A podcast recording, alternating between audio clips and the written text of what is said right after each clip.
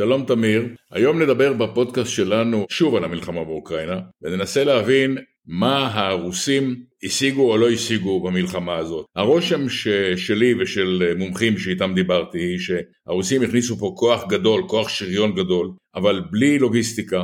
חשבו שהדבר יהיה טיול של אחר הצהריים. מסתבר שהם נקטו בשיטות מלחמה שלא מתאימות ל-2022 והאוקראינים למרות שהציור שלהם יחסית דל מול הרוסים הצליחו לבלום חלק מהמתקפות. כמובן שהרוסים הגיבו בעוצמה נגד אה, מרכזים של אוכלוסייה אזרחית, זה חוכמה קטנה לראות על בתי ספר, בתי חולים ודברים כאלה עם, עם הטילים שלהם או עם מטוסי הקרב או מסוקי הקרב שלהם, אבל מבחינה צבאית ההישגים שלהם קטנים היות והם נקטו בשיטות שכבר צבאות מתקדמים לא נוקטים בהם היום וככל שעוברים הימים האוקראינים מצליחים להדוף אפילו להשיג הישגים בלוחמה האסימטרית הזאת. בואו נפרוט קצת לפרוטות את הפעילות הרוסית והאוקראינית וננסה לעמוד על ההבדלים. הרוסים הפעילו את הצבא שלהם במבנה המסורתי שלו, ככה הם רגילים, ככה הם עובדים כבר ממלחמת העולם השנייה, הם הטילו למערכה ארמיות שלמות במסגרות קשיחות על כל סדר הכוחות שלהם. למעשה לא התחשבו כלל במה הצרכים בשטח. ראינו אמצעים שנכנסו לאוקראינה שלא הייתה שום סיבה שייכנסו לשם ויופעלו בזירה הזאת, למשל אמצעי ל"א אסטרטגיים שמיועדים לשיבוש ולוחמה אלקטרונית מול מטוסי ביון כמו ה-AWACS האמריקאים נתפסו והושמדו בדרום אוקראינה, לא הייתה שום סיבה שהם יהיו שם. הם אה, שילבו למשל בטילי האיסקנדר שבשים שמאפשרים לטילים האלה לחדור הגנה נגד טילים.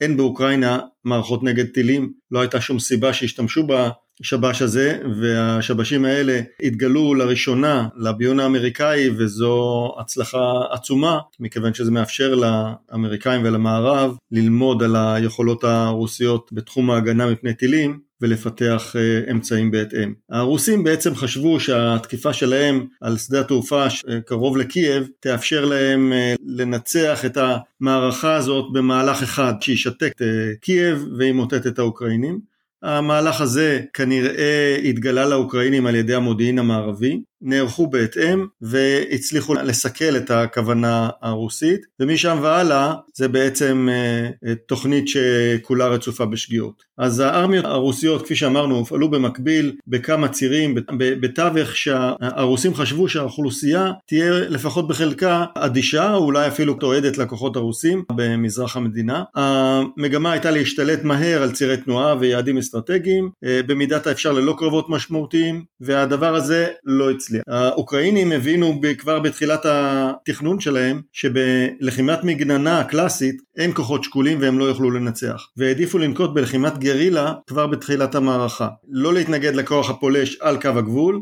אלא במקומות שבהם יש להם יתרון. להבדיל ממלחמת גרילה קלאסית שבה לוחמי הגרילה פועלים עצמאית בכוחות קטנים במגמה להציק לכובש אבל לא לנצח אותו באוקראינה נקטו בשיטה של לוחמה היברידית שבה הצבא מאורגן ביחידות לוחמות קטנות על בסיס מודיעין עדכני הוא מקיים תקשורת ושליטה עם הכוחות, הוא מאפשר תיאום וסיוע לכוחות הלוחמים ומשתמש בטכנולוגיה מתקדמת שכוללת הפעלת אש מדויקת מנגד כחלק מהפעלת הכוחות. כל זה נשמע גבוה אבל בסופו של דבר אנחנו רואים את זה בשטח, אנחנו רואים מאות כלים משוריינים רוסיים שרופים, ראינו יחידות חי"ר קטנות של האוקראין אה, עם אה, לוחמים שמשתמשים בטילי נ"ט, חלק מהם הטילים שסופקו על ידי האמריקאים והבריטים, טילים שתוקפים את הרכב המשוריין מלמעלה כפי שכבר דיברנו על זה בפודקאסטים הקודמים, מאפשרים לחדור את הצריח באזור שהוא דק ביותר, הם גם מפעילים טילי נ"מ, טילי כתף כנגד המסוקים והמטוסים הרוסיים, הצליחו להפיל לפחות עשרה מסוקים בימים הראשונים של המלחמה, זה מספר גדול מאוד יחסית, מכיוון שהם פרסו את הכוחות האלה בצורה רחבה ביחידות קטנות וידעו להיערך מול הרוסים המתקדמים. הפעלה של ארטילריה מדויקת, במקרה הזה שני הצדדים משתמשים בארטילריה מיוחדת, פגזים שמונחים על ידי אה, ביות לייזר, הפגזים האלה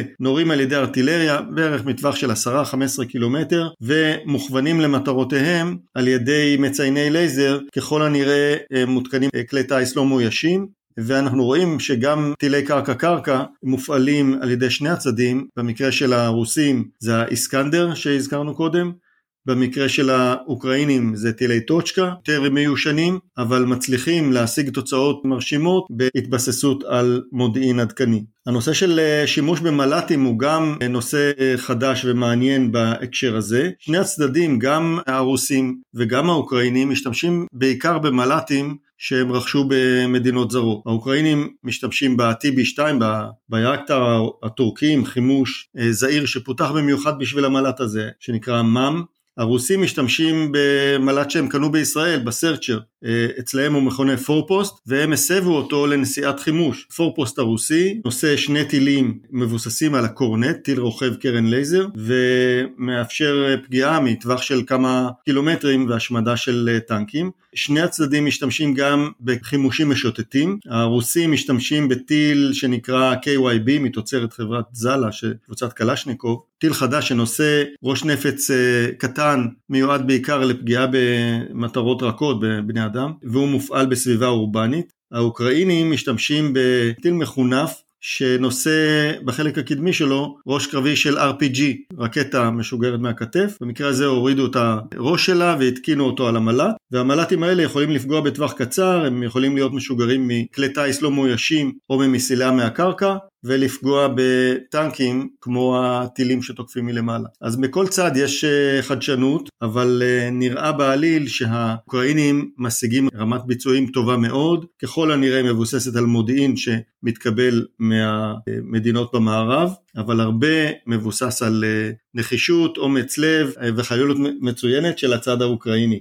כן, אני חושב שהנקודה האחרונה היא נקודה מאוד חשובה. אין ספק שלחיילים הרוסים אין מוטיבציה, הם לא מבינים למה לקחו אותם למלחמה, הם לא מבינים למה הם נהרגים, בעוד שלאוקראינים יש מוטיבציה גבוהה, הם מגינים על המדינה שלהם, וכמו שאמרת, כל הסיבות האלה וגם התחכום האוקראיני, למרות שזה צבא שלא מצויד בציוד המתקדם, מול צבא רוסי מיושן, כבד, מסורבל, התוצאות הרוסיות די עלובות.